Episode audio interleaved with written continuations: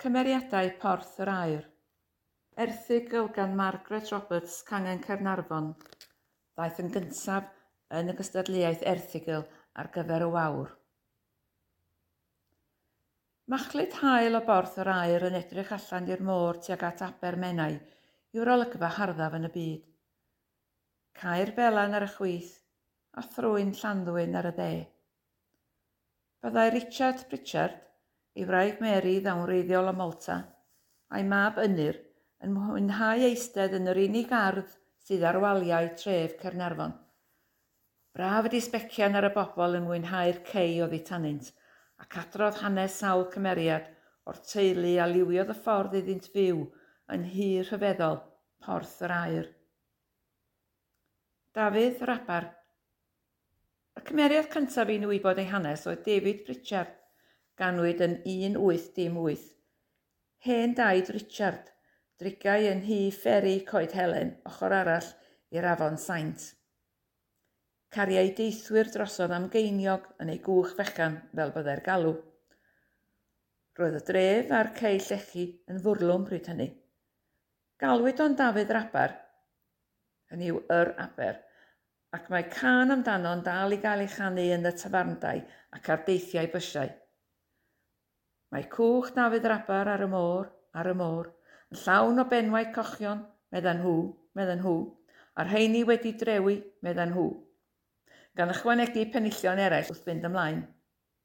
Un o'i feibion oedd David Charles, ganwyd yn 1852, ac ymunodd efo'i dad fel dyn fferi, a chafodd yntau hefyd y llys enw Dafydd Rabar. Erbyn 19dim, codwyd pont yr Aber – Gallai pawb wedyn gerdded dros yr afon ac nid oedd angen Dafydd a'i gychod mwyach. Ond cafodd iawn dal sylweddol. Fel dyn hirben, prynodd fusnes yn Llanrug, dysgu pobi bara a llwyddo fel pobydd. Ond y môr oedd yn denu a symudodd yr ail Dafydd Rabar yn ôl i'r dre i fyw drws nesau'r tolltu ym mhorth yr air i fagu'r teulu. Y brodyr Pritchard Aeth y tri brawd, Bob, Richie a Charles, meibion Dafydd Raber, i'r môr yn ifanc a theithio'r byd. Yn 1913, hwyliodd Charles fil o filltiroedd i fyny'r Amazon i Manws gyda llechi o ddinorwig i doi'r tŷ opera hardd a chario gwano nôl i Gymru. Bu Richie, tad Richard, i ffwrdd am flwyddyn a hanner ym Montefindio, Uruguay, a chwarae peldroed gyda'r brodorion troednoeth. Moriodd Bob drwy gilfor Magellan o Chile.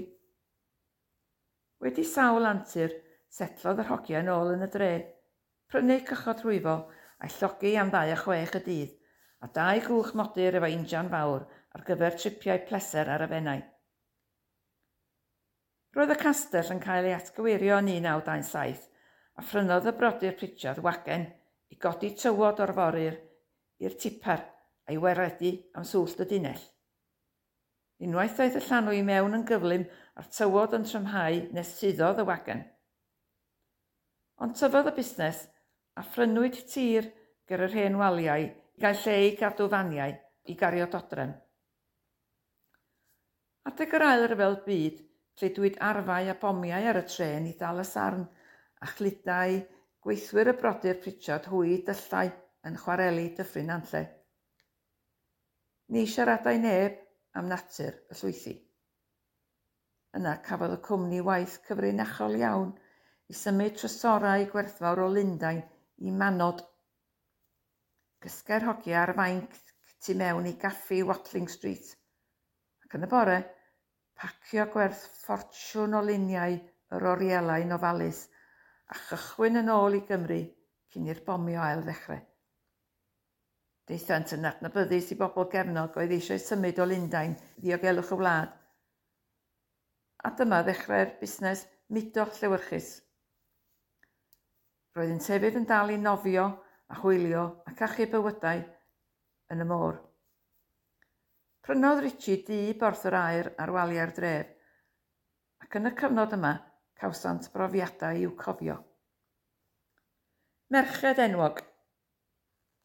Roedd cynnwrf yn yr air, a ser Hollywood wedi gofyn am wyth fan ddodrem y brodyr Pritchard i gario cyfarpar ar gyfer ffilmio In of the Sixth Happiness y Med Gellert yn 1958.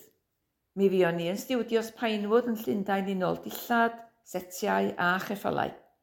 Trowyd faniau porth yr air yn wardrops ar gyfer Ingrid Bergman, Kurt Jurgens a'r extras. Hanes Gladys Aylward, cenhades o dras Cymreig oedd y stori. Arweiniodd gant o blant am ddifad dros y mynyddoedd am dros fil o filltiroedd i ddiogelwch adeg rhyfel 1937 yn China. Roedd teulu Porth yr Air yn cymryd rhan yn y ffilm, a Richie oedd y nofiwr cryf helpodd y plant i groesi'r afon yn ddiogel, sef afon glaslyn ar y set.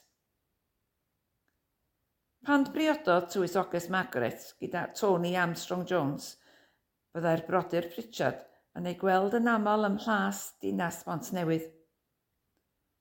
Meddai un o'r dreifers, mi fi am fi'n hel y falau sirion efo'r Dywys a gyfodnodd i'n i gario stwff o gartref teulu ei gŵr i Clarence House. Hi ei hun agorodd y drws a mynd i ni i'r gegin i gael cornflakes. Cafodd y frenhines gloc crand ar ôl Michael Duff y feinol, a ni a eitha fo i Baclas Buckingham.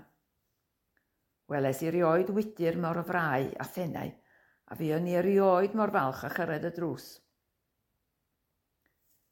Fifiant yn madal i Megan Lloyd George pan ddaeth yn aelod syneddol i Lundain a chael sylw mawr ganddi. Roedd y chwiorydd Keating yn byw ym Mhlas yn Rhiwg ar Aberdaron. Gwelsant Clough Williams Ellis, Burton Drussell ac Ares Thomas yno pan oeddent yn symud pethau lefydd eraill ym mhen llun. Roedden nhw'n foneddig iawn ac yn rhoi, rhoi cil dwrn o ddeg swllt i ni, oedd yn bres mawr yr adeg honno. Dipyn o gymeriadau yn wir. Erbyn hyn, mae Ynir, Mab Richard a Mary yn astudio cerdd yn Rhydychen a chwarae'r fiola mewn cerddorfeidd. Ond does dim byd gwell ganddo na dod ei ffrindiau adre i Garnarfon. Edrych allan o'r ardd ar y môr a dweud hanes ei hen hen daid Dafydd yr Abar a canturiaethau teulu porth yr air.